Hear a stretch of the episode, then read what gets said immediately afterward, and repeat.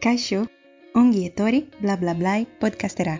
Ni oinitu hinko akademikoa naiz, eta gaur BS tresna bat aurkeztuko dizut. Zerutik hizkuntza bat ikastea ez da lan xamur izaten. Nundik hasi behar dugun ez baitakigu. Horregatik, gaurko zaioan hasi berientzako aholku batzuk dakartzat. Batez ere, zaio honetako azken gomendioak sekulako garantzia du. Hasiera hasieratik beste hizkuntza batean pentsatzen ikasteko. Prez zaude? Bagoaz! Lehenengoa, zer ikasi hasieran edo zeri areta handiagoa eman. Azteko, erabileraren maiztasunari begira, bereziki hizkuntza eromanikoetan, gehien erabiltzen ditugun hitzak izen ordainak izaten dira. Baina aditz jakin batzuk ere. Izan, egon, eduki, egin, behar, ahal, etori, joan. Beraz, izen ordainak eta aditz horiek behin eta beriro erabili beharko dituzu. Hori dela eta, hobe dituzu miaren puntan izan. Erabilera maiztasunaren hildu beretik jaraituta, ikastaro askok bereziki metodo zaharenak erabiltzen dituztenak, koloreak, hilabeteak, urtaroak irakasten azten dira. Baina pentsa ezazu, zure egunerokoan, zenbat aldiz erabiltzen dituzun hitz horiek. Oso gutxi ez da? Horrez gain, hizkuntzen Europako erreferentzia markoa kontuan hartzen badugu, konturatuko gara hasieran beste gauza batzuk garantzitsuagoak direla. Adibidez, aurreko zaio batean aipatu nuen bezala, maiztasun handiko ezamoldeak, agurak eta aldeitasun ezamoldeak, egunon, zer moduz, mesedez, nondago, etoriona eta abar. Horiekin guztiekin, hasieratik oinarizko maila batean komunikatzeko gai izango zara. Horrez gain, komeni zaizkizu aditzonduak eta preposizioak menperatzea.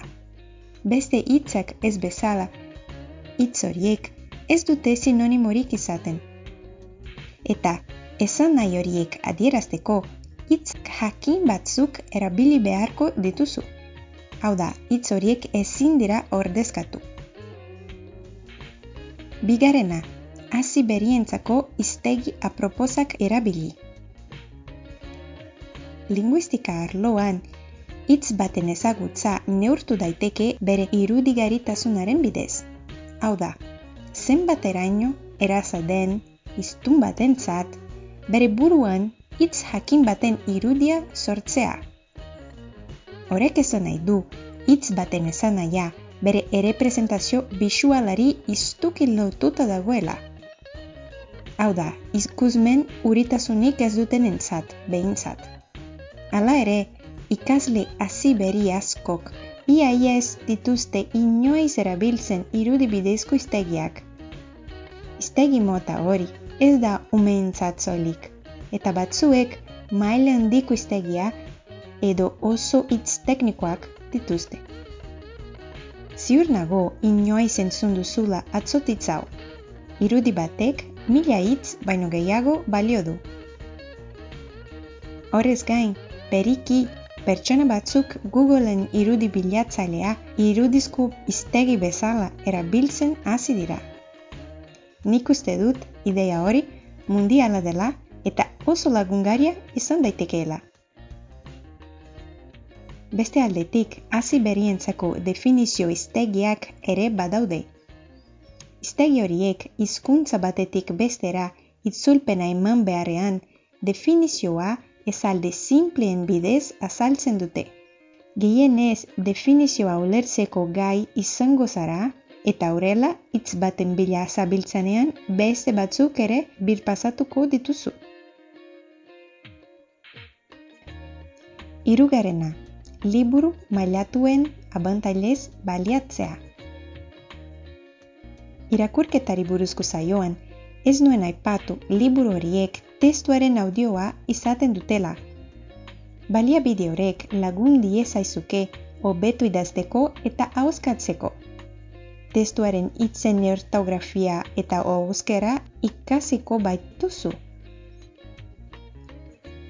Audioa soilik erabilita, ordez, shadowing teknika martxan jar dezakezu.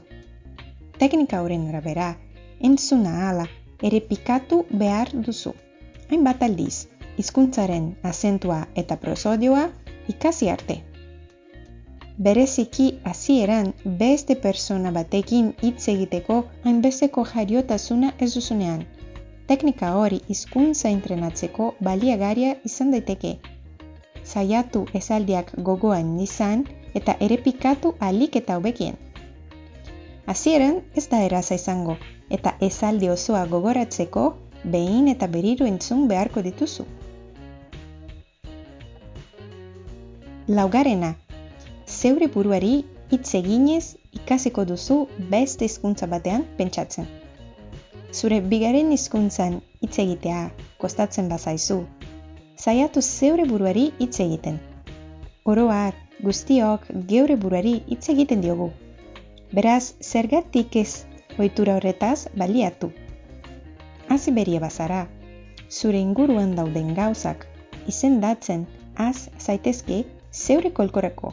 Adibidez, hau ordenagailu bat da, hori lanpara bat, eta horrela, urenez uren. Bos minutuz egunero nahikoa izango da ohitura sortzeko. Gero, zure umoreari buruz, modu oso simple batez hausnartu dezakezu. Esan ez, gaur pozik nago, edo uduri sentitzen naiz. Jaraian, gero eta esaldi komplexuagoak egingo dituzu. Bigaren hizkuntza honetan, benetako arrazoiketak egiteko gai izan arte. Zertaz aritzea bururatzen ez bazaizu, bilatu interneten elkarizketarako prestatuta dauden galdera zerenda batzuk eta hasi izketan.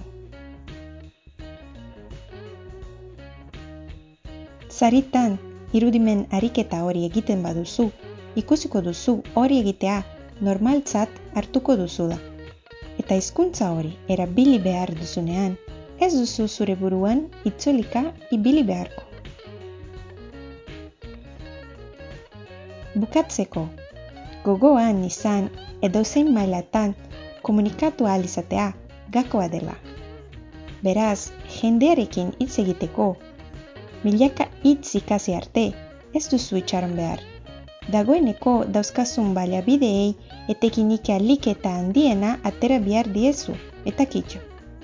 Bukatu baino lehen, abisatu behar dut, konturatu nintzela deskribapenetan jarri nituen estekak zoelik Anchor webgunean zenbiltzan, baina zuzendu ditut eta orain haiek Spotify, Google edo Apple Podcasts eta bere plataforma guztietan bada beltza.